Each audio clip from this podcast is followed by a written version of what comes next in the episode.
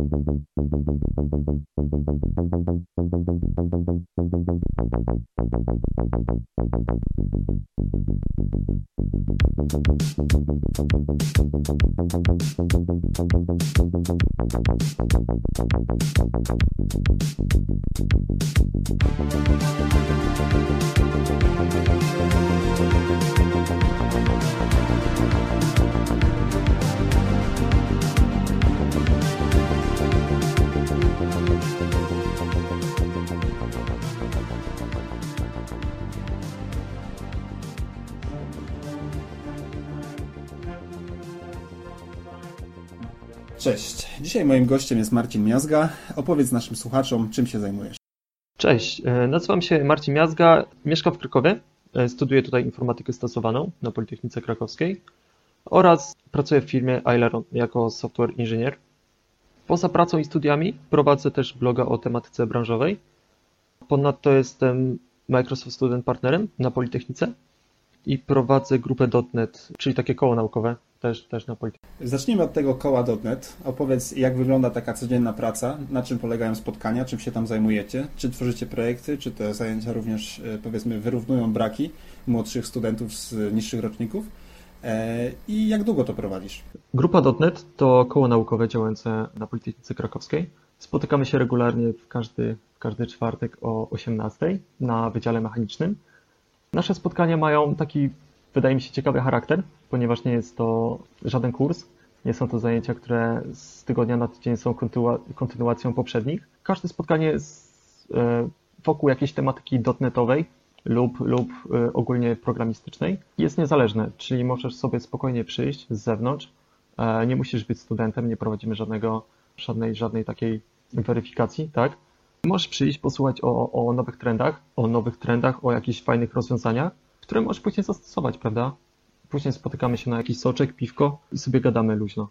Poza, poza właśnie takimi spotkaniami, które mają charakter wykładowo-warsztatowy, rozpoczęliśmy teraz projekt, który zrealizujemy sobie wspólnie i chcemy go przedstawić na sesji kół naukowych, chyba w czerwcu, o ile dobrze pamiętam. Także spoko, myślę, że nawet jak się nie ma jakiejś wiedzy programistycznej, czyli się jest na, na początku kariery, na początku studiów, warto uczęszczać, bo, bo takie projekty, tak, to nie tylko programowanie, to też umiejętność sprzedaży tego produktu, umiejętność e, zrobienia jakiejś szaty graficznej dla, dla aplikacji, więc, więc, więc nie trzeba być programistą, żeby, żeby działać w takiej grupie, w grupie .NET.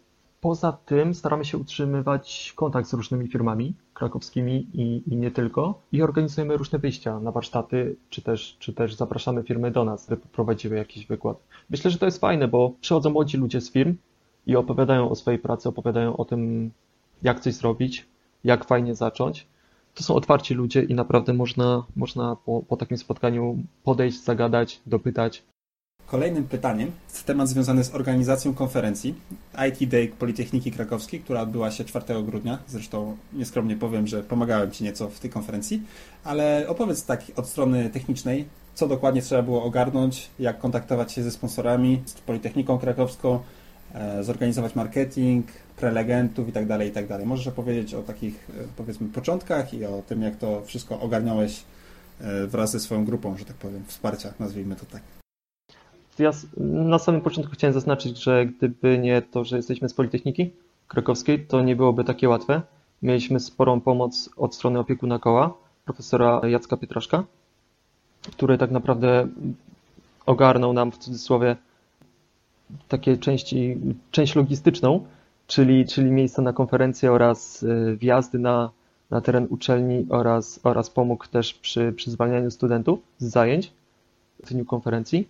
A jeśli chodzi o organizację z naszej strony, to powiem Ci szczerze, Konradzie, że samemu nie, nie da się ogarnąć czegoś takiego. I tak jak wspomniałeś, pomogłeś, pomogła duża część grupy. Przeszło 8, 8 osób było zaangażowanych w organizację całej, całej konferencji. Jeśli chodzi o właśnie tą organizację, to, to tak naprawdę główna praca skupiała się wokół pisania maili i odpowiadania na te maile, odpowiadania na odpowiedzi. Dlaczego? Ponieważ e, szukaliśmy partnerów do naszej konferencji, którzy decydowaliby się mm, pokazać i w samym mieli możliwość na przykład wystawienia prelegentów, czy też zareklamowania się lub, lub poprowadzenia jakichś krótkich rekrutacji? Z mojej strony fajne było to, że e, ta grupa ośmiu osób, o której wspomniałeś, czyli tam chłopaki i Gosia, fajnie się samoorganizowała. To znaczy to działał jak taki mały organizm i każdy jakoś tak naturalnie przejmował role, w których czuł się dobrze. I nikt w zasadzie nie był ani sproszony czy zmuszany do niczego, tylko każdy jakoś tak swoją jakoś niszę wykorzystał i swoje mocne strony uwydatnił w ten sposób. No i dzięki temu jedni skupiali się na marketingu, drudzy na organizacji takiej logistycznej, jeszcze inni na sponsorach i kontakcie z nimi, kolejne osoby na prelegentach. Moim zdaniem to bardzo fajnie wyszło i z tej perspektywy patrząc, może to być kapitał na przyszłość, żeby zrobić coś jeszcze. Nie? Myślę, że tak, myślę, że jest, jest potencjał e, w naszej grupie i tak jak zauważyłeś, nikt nie był do niczego zmuszany, prawda? Każdy, każdy wiedział, co ma robić, a nawet jak nie wiedział, to wiedział, jak sobie za, zaimprowizować, tak żeby to wszystko płynnie, płynnie działało. No cóż, konferencja wyszła według mnie bardzo fajnie. Jeśli chodzi o feedback od ludzi, to też słyszałem dobre, e, miłe słowo. Przyszło prawie 200 osób, więc, więc, więc, więc to na plus. I myślę, że będziemy w przyszłości też, też organizować podobne rzeczy. Okej. Okay. Na konferencji poznałem jednego z Waszych nauczycieli. Zdaje się, że Pan profesor uczy angielskiego. I ciekawą, ciekawą treść przekazałeś mi na jego temat, mianowicie zachęca studentów do brania udziału w konferencjach naukowych, w kołach naukowych, w NZS-ie, w samorządzie studenckim, we wszelkich formach aktywności niezwiązanej stricte z edukacją, a z takim życiem studenckim. Opowiedz coś więcej o tym i dlaczego uważasz, że to jest dobre, może uważasz, że to jest złe. E, myślę, że przekazuje tak naprawdę kwintesencję e, studiów studentom, bo tak naprawdę studia to nie tylko nauka, tylko studia to studiowanie, czyli właśnie branie udziału w różnych inicjatywach, które są poza, poza zajęciami, bo umówmy się, pierwszy rok jest trudny, jest dużo zajęć, e, dużo projektów, dużo ćwiczeń, laboratoriów, są trudne przedmioty. Mate, matematyka. Tak, dokładnie. matematyka. Pozdrawiamy Krystiana Karczyńskiego. Dzięki, Krystian. Gdyby nie ty, to nie byłoby nas tutaj.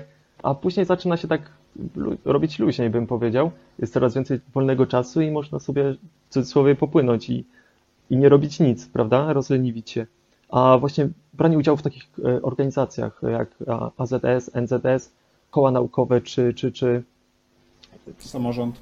Tak, czy samorząd otwiera nowe perspektywy, bo tak naprawdę pokazuje, że studia to nie wszystko, że można robić fajne rzeczy, organizować fajne wyjścia, wyjazdy, warsztaty, dzielić się wiedzą i tak naprawdę studiować. Mhm.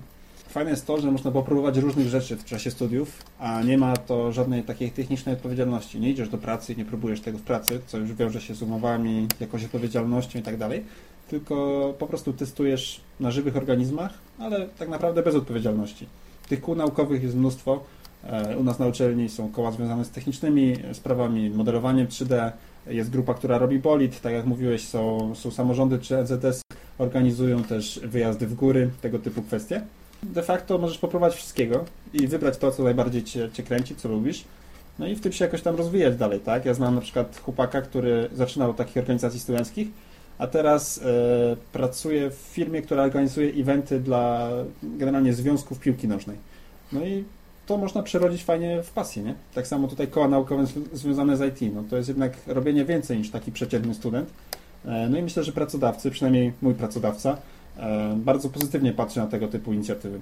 Oczywiście, jeśli się wychodzi przed szereg w ten sposób, to jest zawsze na plus. E, także dziękujemy bardzo panu Małemu za, za promocję wszelkich inicjatyw studenckich. Opowiedz nam więcej o projektach, które gdzieś tam tworzysz, w których bierzesz udział. Wiesz co, obecnie jestem zaangażowany w kilka projektów, takich, takich prywatnych.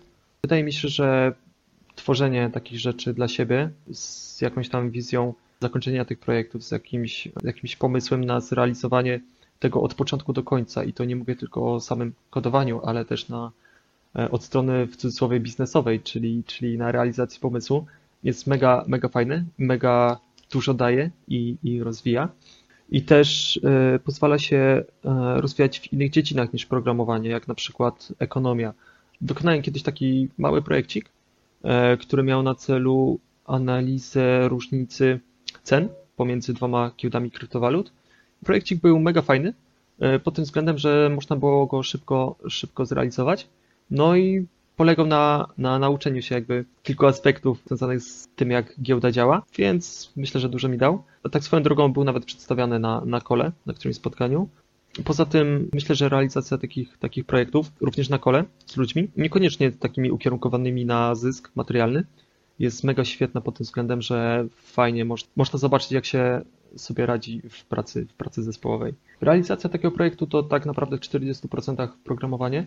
Przykładowo, robisz sobie jakiś projekcik na, na, w ciągu weekendu, zbierasz jakieś, jakieś pomysły, jak to, jak to zrobić, planujesz sobie, rysujesz sobie jakiś graf przepływu, co, co ma się dziać, później programujesz i tak naprawdę później to wszystko dogrywasz, czyli poprawiasz jakieś, jakieś, jakieś detale, e, robisz jakiś layout i później to wrzucasz. I to czasem jest bardziej czasochłonne niż samo to oprogramowanie, które było gdzieś tam na, na, na początku. Takie projekty też zwiększają świadomość tego, że wiesz, samo stworzenie produktu to jest nie tylko oprogramowanie, tylko też kwestia graficzna, marketingowa, sprzedażowa, zarządzania zespołem, zarządzania zadaniami, też jakiś wtedy Kanban czy Scrum przydaje się w tym, żeby dostarczyć jakąś jakość i wartość co jakiś skończony czas w iteracjach. E, no i myślę, że tak na sucho z Udemy czy z jakiejś, z jakiejś kursery e, nie da się tego nauczyć. Nie, nie ma szans. Tam, tam się bardziej skupiasz właśnie na jednej tematyce, a tutaj masz szerszy ogląd na sprawę. E, minus prowadzenia swoich projektów jest taki, że to jest mega, mega, mega czasochłonne. Mhm. A masz jakieś dobre rady w kwestii organizacji swojego czasu? Bo prowadzisz bloga, prowadzisz koło naukowe, pracujesz, no i jeszcze studiujesz dziennie. Czyli te cztery tematy, no to całkiem sporo powiedziane. Tak naprawdę wydaje mi się, że jeśli czegoś tak napra naprawdę chcesz, to, to to osiągniesz. Zabrzmiałem może teraz jak coach, e, coach Marcin, ale, ale tak jest. Porozmawiajmy teraz o Twoim blogu. Z tego, co, co wiem, to poruszasz ten tematy nie tylko związane z programowaniem, ale również związane z taką tematyką szeroko pojętego DevOps, e, typu Docker, typu Continuous Integration, Git Flow i tak dalej troszkę też e, technologii chmurowych. E, możesz opowiedzieć więcej, dlaczego, dlaczego pojawiło się u Ciebie zainteresowanie wszystkimi tematami dookoła? Bo zazwyczaj ludzie na początku kariery jednak mają wąską specjalizację i dopiero z czasem rozwijają to na, na wszystkie strony. A u Ciebie to jest troszkę tak na odwrót. E, wiesz, wynika to z tego, że jednak byłem znudzony takimi projektami, które polegają na tym, że spoko, robisz sobie jakiś program, uczysz się jakichś klasek generycznych, fajnie, fajnie, ale wszystko wyświetlasz na, na konsoli i tak naprawdę nic z tego nie masz. A e, chmura e, jednak daje ci kilka, kilka takich wizualnych e, prezentacji tego, co zrobiłeś i od razu widzisz efekty tego. To jest naprawdę fajne. Mm, tak, jeśli chodzi o, o tematy DevOps, testowania czy continuous integration, to są tematy, które prędzej czy później dotkną każdego dewelopera można je polubić lub nie.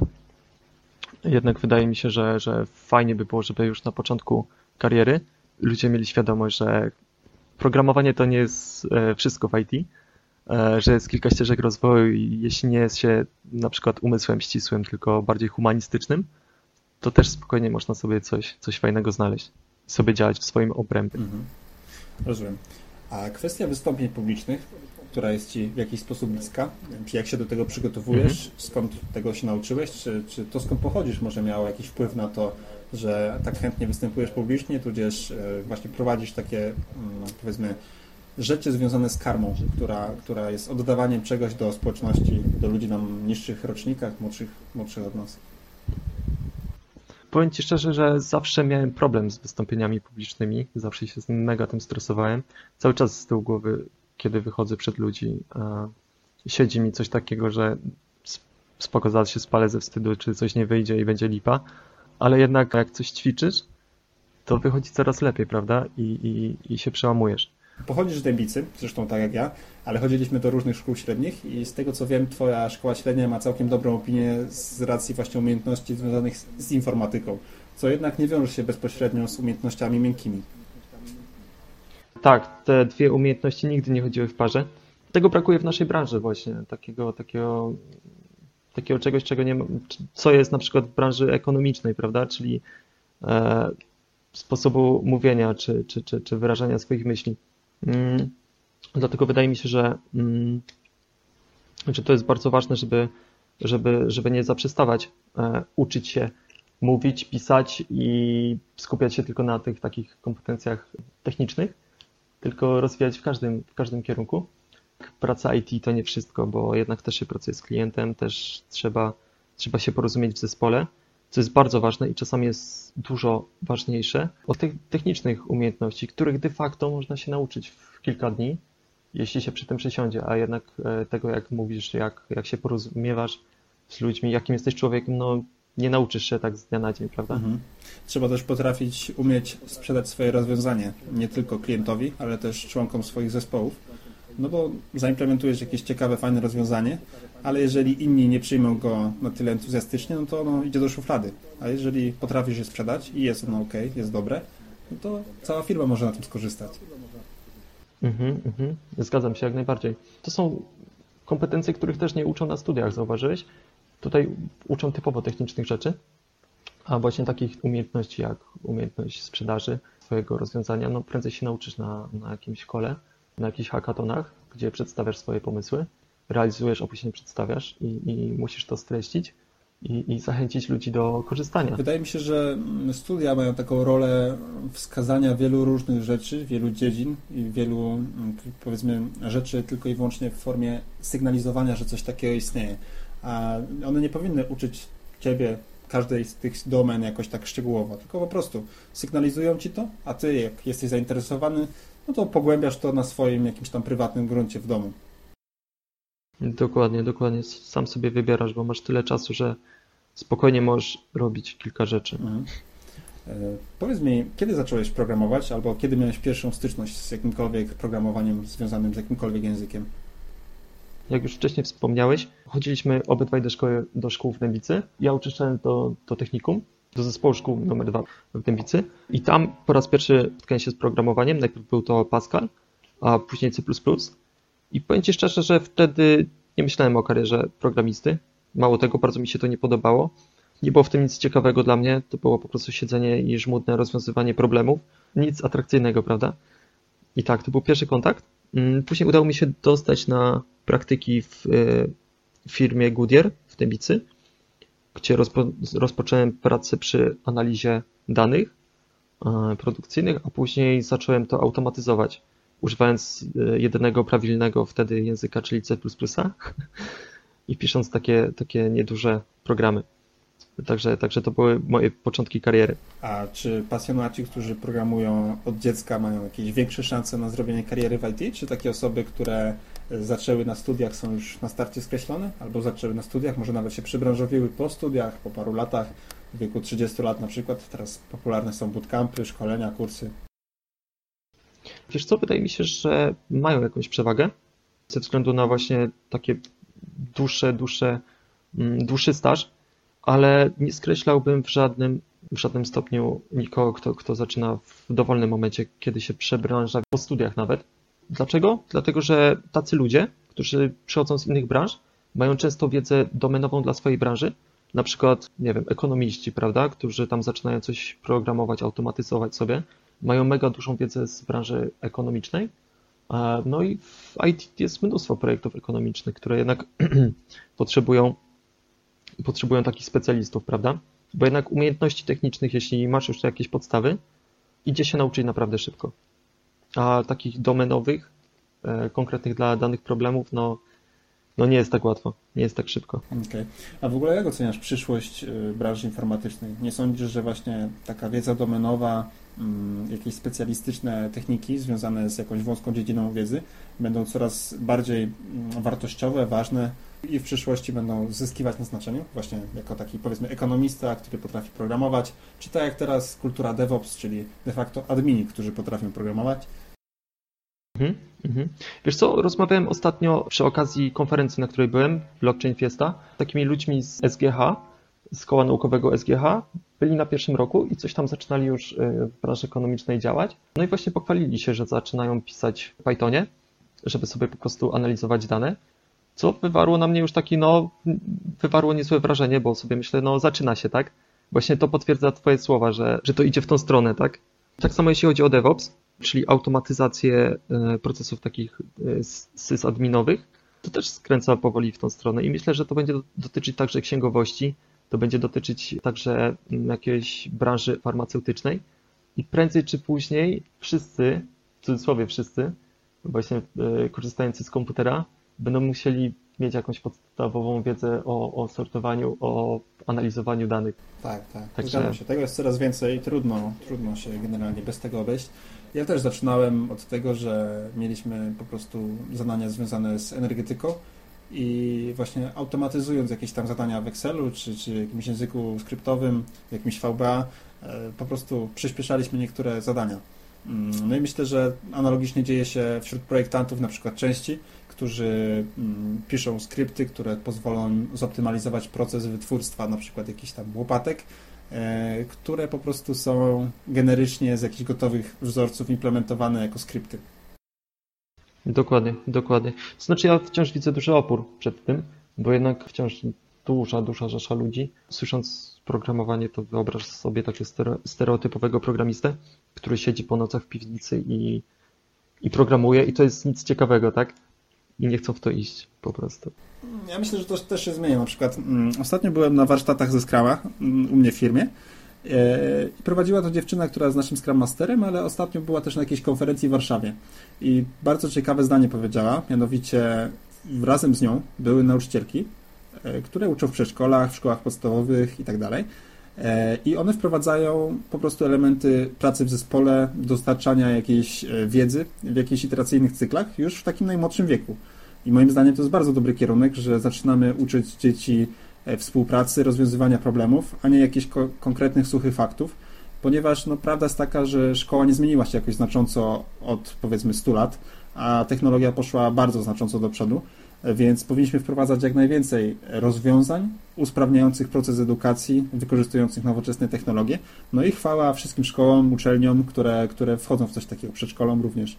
Wszystkie prezentacje interaktywne, e, wszelkie animacje, które jednak lepiej docierają do dzieci niż, niż jakieś napisy. Myślę, że są dobrym kierunkiem i mi na przykład tego brakuje. Mam też młodszą siostrę i moim zdaniem u niej w szkole fajnie do tego podchodzą, ale oczywiście jest też pole, pole do poprawy i można by było robić to jeszcze lepiej. Mam nadzieję, że kiedyś, kiedyś to się zmieni w tę stronę. Myślę, że to jest nieuniknione i koniec końców właśnie będzie zmierzać w tą stronę. Na koniec mam 10 pytań i pierwsza taka część to trzy rzeczy, które najbardziej lubisz w branży, cenisz w branży, rzeczy, które po prostu postrzegasz jako najbardziej wartościowe. Dobrze, zacząłbym przede wszystkim od społeczności. Społeczności zbudowanej przez programistów dla programistów. Chodzi mi tutaj o, mm, o co- community, które zawsze ci udzieli jakiejś rady, które ci pomoże, kiedy spotkasz problem, czy to na GitHubie, czy to na Stack Overflow. To jest naprawdę fajne i nie spotkałem się z czymś takim gdziekolwiek indziej.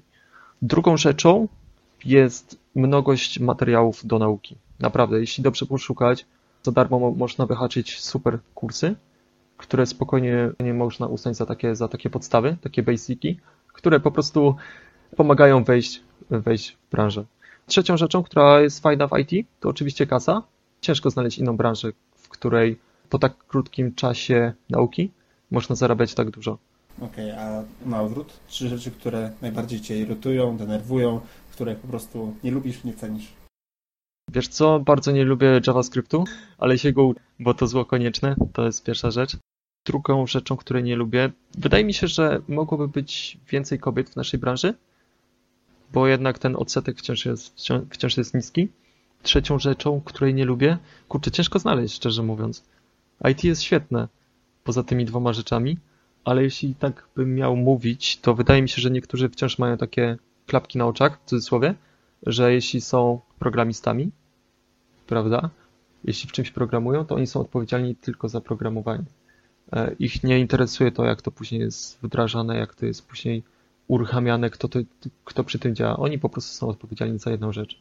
I to bym chętnie zmienił. Po prostu Czyli rozszerzył jakąś odpowiedzialność i świadomość ludzi. Tak, tak, też to zauważam, aczkolwiek myślę, że to się zmienia właśnie dzięki tej kulturze DevOps, dzięki automatyzacji wielu procesów. e, Ludzie teraz zauważają, że tester nie siedzi już, wiesz, piętro dalej, tylko tester dzisiaj jest tak naprawdę programistą, który siedzi obok nich. E, Wdrożeniowiec analogicznie. Często wdrożenia e, przeprowadzają konsultanci, którzy są po prostu programistami, którzy częściowo jeżdżą też na wdrożenia jakiegoś tam softu. E, Tak samo PMI, którzy, PMowie bardziej, którzy po prostu często wywodzą się z branży. Byli kiedyś grafikami, testerami, programistami no a teraz są PM-ami, czyli, czyli mają ten background techniczny. Chociaż oczywiście pewnie są też osoby stricte związane z zarządzaniem i od początku kierującą, kierujący swoją karierę w ten sposób. Ale myślę, że ta świadomość wzrasta, tak konkludując. A trzy rady dla ludzi wchodzących do IT w 2019 roku. Teraz pewnie będzie dużo postanowień noworocznych. Może jakieś trzy źródła nauki, czy najlepsze rady, czy protipy, jak to się mówi dzisiaj, e, jakieś znajdziesz, tak? Jasne. E, mówiąc, że ktoś wchodzi na, do branży IT, ja rozumiem, że ktoś zaczyna jakieś praktyki, jakiś staż, czy jakąś pracę. Jeśli tak, to niech cały czas szuka pomocy u starszych kolegów. Niech sobie znajdzie jakiegoś mentora w tej pracy, który pokaże co i jak, który pomoże, wytłumaczy. No i nie będzie strachu, żeby go o coś zapytać, prawda? Nawet trzy razy zadać to samo pytanie i to jest pierwsza rada. Drugą radą jest, myślę, że czytanie blogów o tematyce IT jest mega, mega spoko. Mega dużo mi to dało. Podcasty są ważne, zaznaczmy to. Oczywiście, oczywiście. To, to było na trzecim punkcie. Myślę, że takie e, blogi branżowe, na przykład Enterprise Craftsmanship albo andrewlog.com. To są dwa fajne blogi, które są regularnie pisane. E, one są o tematyce stricte dotnetowej i poruszają, poruszają fajne problemy. E, na początku mogą się wydawać takie troszkę zbyt trudne problemy, no ale tak naprawdę prędzej czy później spotkamy się z nimi, więc, więc myślę, że warto coś, coś takiego czytać.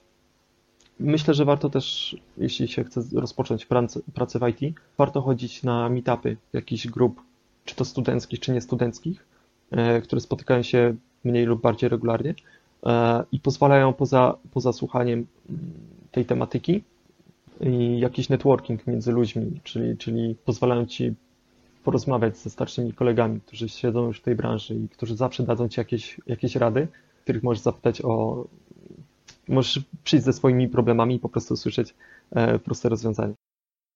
Dobrze by było jeszcze poruszyć temat związany z rozmowami o pracę.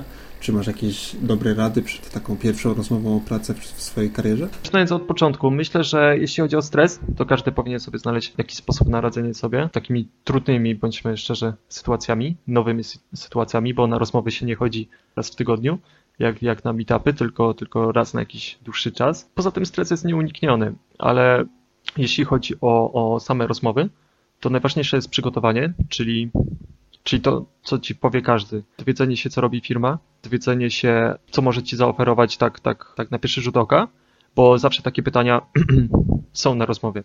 Bo rozmowa kwalifikacyjna to nie są stricte tylko techniczne, techniczne sprawy i to idzie bardziej właśnie w stronę teraz takich rozmów psychologicznych, bym powiedział, niż, niż technicznych. Bardziej liczy się to, jakie masz podejście do pracy, jak chcesz się rozwijać, co robisz w wolnym czasie, niż to, co aktualnie umiesz, bo wychodzi się z założenia, że spoko, no nie? Wszystkiego się nauczysz w tej pracy pierwszej, ale jeśli jesteś człowiekiem, który ma na wszystko wywalone, to, to, to nie ma sensu, prawda? Choć, choćbyś miał jakąś tam super wiedzę na początku, to i tak w pewnym momencie się zatrzymasz i, tak, i to jest bezwartościowe w dłuższej perspektywie.